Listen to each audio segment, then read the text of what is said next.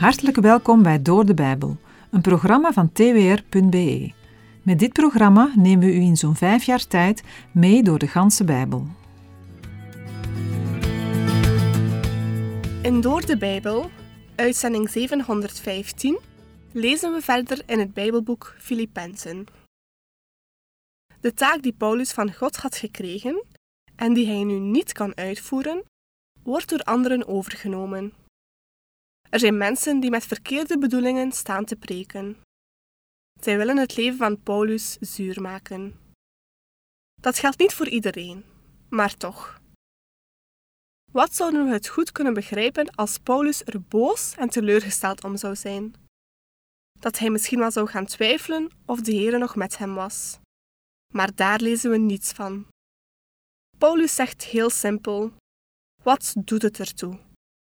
Hij is oprecht blij dat de naam van Jezus bekendgemaakt wordt, zelfs als de mensen dat vanuit een verkeerde motivatie doen. Hij laat zich niet ontmoedigen. Hij beseft hoe belangrijk het is dat iedereen van de Heere Jezus hoort, als dat maar doorgaat. De gevangenschap van Paulus heeft ook tot gevolg dat andere christenen moed hebben gevat om vrijmoedig te getuigen. Ook nu kunnen de getuigenissen van christenen elders in de wereld ons geloof versterken. Paulus was in alles op de Heere Jezus gericht. Dat lezen we ook in het vervolg, als hij aangeeft dat de keuze tussen leven of sterven voor hem niet makkelijk zou zijn. Hij wil graag bij Christus zijn. Dat is het beste. Tegelijkertijd wil hij ook graag leven om anderen in aanraking met Christus te brengen. Zowel zijn leven als zijn sterven was totaal op zijn Here gericht.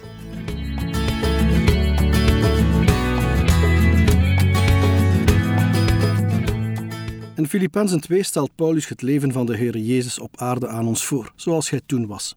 Hier krijgen we de gezindheid van de Heer Jezus te zien. Maar we zien in het hoofdstuk ook voorbeelden van mensen die dezelfde gezindheid hadden, namelijk Paulus, Timotheus en Epaphroditus. Waarom krijgt hij hier zoveel nadruk? Omdat er bij de Filippenzen een paar dingen nog niet helemaal in orde zijn. Daarop wil Paulus hen wijzen, en dat is echte liefde. Echte liefde is niet blind voor de gebreken van de ander. Echte liefde zal wijzen op wat beter kan, omdat echte liefde ook weet op welke manier dat moet gebeuren. Paulus herkent ook wat er allemaal wel bij hen in orde is. En dit is een belangrijk uitgangspunt als iemand vermaand of aangespoord moet worden. Filippenzen 2, versen 1 en 2. Als er dan enige bemoediging is in Christus, als er enige troost is van de liefde, als er enige gemeenschap is van de geest, als er enige innige gevoelens en ontfermingen zijn, maak dan mijn blijdschap volkomen, doordat u eensgezind bent, dezelfde liefde hebt, één van ziel bent en één van gevoelen. Met vier korte zinnetjes die ingeleid worden met het woordje als, geeft Paulus de basis van eensgezindheid aan. Het Griekse woord dat vertaald wordt met als, geeft geen vraag of mogelijkheid aan, zoals indien. Het is juist een zekerheid. We zouden het kunnen vertalen met aangezien. De tekst van de eerste twee versen wordt dan: Aangezien er dan enige bemoediging is in Christus, aangezien er enige troost is van de liefde, aangezien er enige gemeenschap is van de geest, aangezien er innige gevoelens en ontfermingen zijn, maak dan mijn blijdschap volkomen, doordat u eensgezind bent, dezelfde liefde hebt, één van ziel bent en één van gevoelen. Een vraag bij deze woorden kan zijn wat er met de troost, de bemoediging, de ontferming en de liefdevolle omgang wordt bedoeld. Is het de troost van Christus voor de gemeente of de troost van Paulus voor de Filippenzen? Of misschien de troost, bemoediging, ontferming en liefdevolle omgang van de Filippenzen onderling en voor de apostel? Waarschijnlijk is het laatste het geval en concludeert Paulus dat de genoemde eigenschappen in de gemeente van Filippi aanwezig zijn en dat het een basis is voor eensgezindheid. Aangezien de gelovigen in Christus zijn, door het geloof aan Hem en daarmee aan elkaar verbonden, kunnen zij elkaar troost geven. Aangezien zij liefde hebben, kunnen zij elkaar bemoedigen. En aangezien zij allen vervuld zijn met de Heilige Geest, kunnen zij gemeenschap met elkaar hebben. Verder moet Paulus constateren dat er bij hen ontferming is en dat hij zelf hun daden van barmhartigheid heeft ontvangen. Deze uitleg neemt niet weg dat het ook mogelijk is dat Paulus in Filippenzen 2 stelt dat de Filippenzen door Christus zijn getroost, dat ze door zijn liefde zijn bemoedigd, dat ze de gemeenschap met de Heilige Geest hebben ervaren en dat ze de ontferming en barmhartigheden van de Heere beseffen. Gezien de genoemde eigenschappen aanwezig zijn, of als de Filippenzen deze van Gods wegen hebben ervaren, dan moet het ook mogelijk zijn tot eensgezindheid te komen. Daarom schrijft de apostel in vers 2: Maak dan mijn blijdschap volkomen, doordat u eensgezind bent, dezelfde liefde hebt, één van ziel bent en één van gevoelen. Net als in vers 1 gebruikt Paulus vier uitdrukkingen, die vrijwel hetzelfde betekenen, om zijn oproep aan de Filippenzen zo duidelijk mogelijk te maken. Het gaat om een eenheid van denken, willen en voelen. Paulus is blij en gelukkig, maar toch wordt zijn vreugde enigszins getemperd door oneenigheid bij de Filippenzen. Als zij deze oneenigheid zouden oplossen, dan zou dat de blijdschap van Paulus nog doen toenemen. Filippenzen 2, vers 3. Doe niets uit eigen belang of eigendunk, maar laat in nederigheid de een de ander voortreffelijker achten dan zichzelf. Blijkbaar zijn er factoren die de eenheid verstoren. Daarom geeft Paulus opdracht om iets niet te doen. De gelovigen in Filippi moeten oppassen dat ze niet denken of handelen vanuit egoïsme. Zij moeten niet proberen de eer naar zichzelf toe te trekken. Blijkbaar was er een bepaalde rivaliteit tussen de leiders van de gemeente of de verschillende huiskringen, waaruit de gemeente bestond. In Filippenzen 4 vers 2 staat namelijk Ik roep Euodia en ik roep Sintige ertoe op eensgezind te zijn in de Heere. Ja, ik vraag ook u, mijn oprechte metgezel, help deze vrouwen, die samen met mij gestreden hebben in het evangelie, ook met Clemens en mijn andere medearbeiders, van wie de namen in het boek des levens staan. Aangezien Paulus geen partij kiest, want hij vermaant hen beiden, ging het waarschijnlijk niet om een verschil over de christelijke leer, maar eerder om een botsing van persoonlijkheden. Terug naar vers 3. De juiste houding van gelovigen ten opzichte van elkaar is die van nederigheid. Dat mag ondertussen niet verbazen. Het kwam al in heel veel uitzendingen naar voren. Al in het Oude Testament wordt nederigheid genoemd als de enige juiste houding ten opzichte van de Heer. Vervolgens gaf de Heer Jezus zelf het voorbeeld van nederigheid. Niet alleen ten opzichte van zijn Vader in de hemel, maar ook tegenover mensen. Zijn voorbeeld moeten alle gelovigen navolgen. De eenheid en eensgezindheid kunnen alleen hersteld worden als gelovigen leren respect voor elkaar te hebben en een ander hoger achten dan zichzelf. Die ander is degene die anders is dan jij. Het is iemand die van God andere dingen heeft ontvangen of tot andere dingen is geroepen dan jij. We worden aangespoord de ander daarvoor meer achting te geven dan we voor onszelf hebben. We worden daarbij tevens opgeroepen onszelf weg te cijferen. Filippenzen 2, vers 4. Laat een ieder niet alleen oog hebben voor wat van hemzelf is, maar laat een ieder ook oog hebben voor wat van anderen is. De gelovigen moeten blijvend gericht zijn op de dingen van anderen. Daarmee wordt de aandacht niet gericht op het eigen geestelijk zijn, maar juist op de positieve kanten van de ander. Met de woorden niet alleen wordt het bevel om niet meer op eigen zaken te letten gerelativeerd. Gelovigen mogen alleen niet zo met hun eigen zaken bezig zijn dat ze de zaken van anderen over het hoofd zien. Denk ook aan het belang van anderen. Het is een belangrijke levensregel voor de handel en wandel van een christen. Waarom kwam de Heer Jezus Christus uit de hemelse heerlijkheid naar deze aarde? Voor zichzelf was dat niet nodig, maar wel voor anderen. Voor jou en mij, voor alle mensen van de hele wereld. Filippenzen 2, vers 5. Laat daarom die gezindheid in u zijn, die ook in Christus Jezus was. Een gezindheid is een innerlijke houding en het wijst terug naar de houding en mentaliteit die in de voorgaande versen zijn beschreven. Een gelovige moet erop blijven toezien dezelfde instelling te hebben als indertijd de Heer Jezus had, toen hij op aarde was. Aan de andere kant roepen de woorden gelovigen ook op zich te gedragen overeenkomstig dat wat ze in Christus zijn. Hun instelling moet voortkomen uit hun geloofsverbondenheid met Christus. Hoe kan een gelovige in de praktijk van het dagelijkse leven nederigheid laten zien? In Efeze 4, versen 1 tot en met 3 staat: Zo roep ik, de gevangene in de Here, u op tot een wandel die de roeping waarmee u geroepen bent, waardig is, in alle nederigheid en zachtmoedigheid, met geduld, door elkaar in liefde te verdragen, en u te beijveren om de eenheid van de geest te bewaren door de band van de vrede. Van onszelf zijn wij mensen niet nederig en zachtmoedig. Wij willen vaak op onze eigen benen staan en voor onszelf opkomen. Wandelen in nederigheid en zachtmoedigheid bewerkt vaak ook geduld met elkaar. De Grieken zagen nederigheid en zachtmoedigheid niet als sterke punten van een mens. Voor hen was het niet iets om na te streven. Dat Paulus er juist wel over begint, laat zien dat hij er heel anders over denkt. Dat Paulus nederigheid en zachtmoedigheid zo nauw met elkaar verbindt, doet sterk denken aan de uitspraak van de Heere Jezus in Matthäus 11, vers 29. Daar staat: Neem mijn juk op u en leer van mij dat ik zachtmoedig ben en nederig van hart, en u zult rust vinden voor uw ziel. Ook Paulus bracht deze levensregel in praktijk.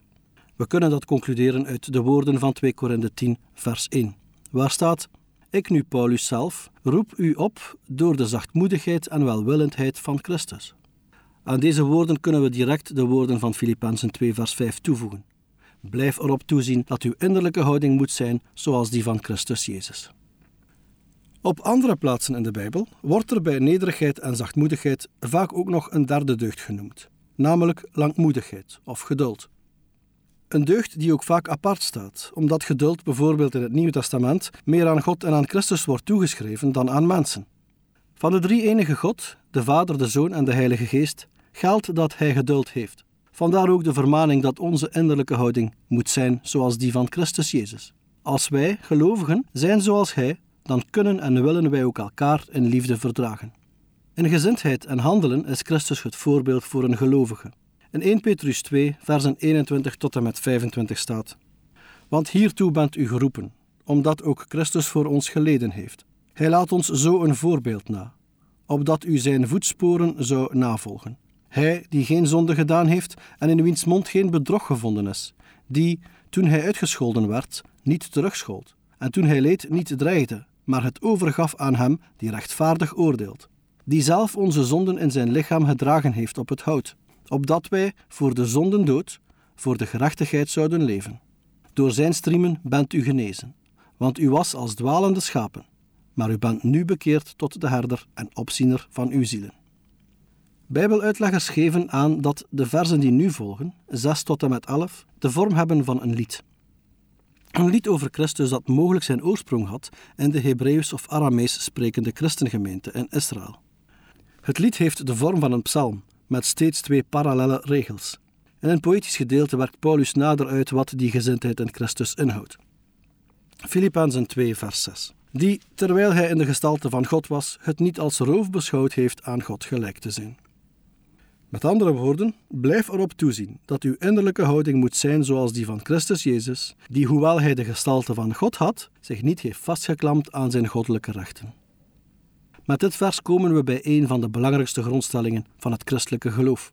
Het gaat om de persoon van de Heer Jezus Christus, en met name zijn menswording.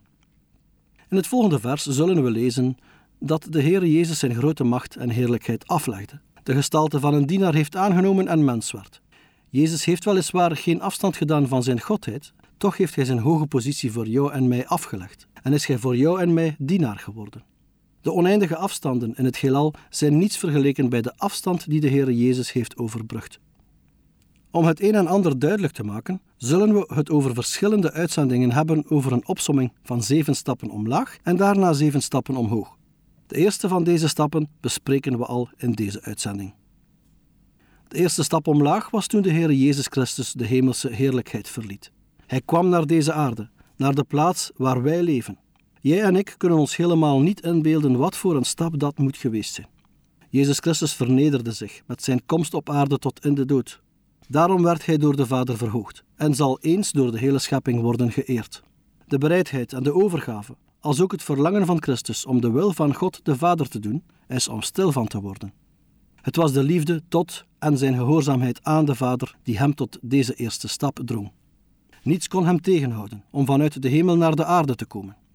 In Hebreeën 12, vers 2 staat: Jezus, de leidsman en voleinder van het geloof. Hij heeft om de vreugde die hem in het vooruitzicht was gesteld, het kruis verdragen en de schande veracht, en zit nu aan de rechterhand van de troon van God. Niets kon of hield de Heere Jezus tegen toen hij naar deze aarde kwam.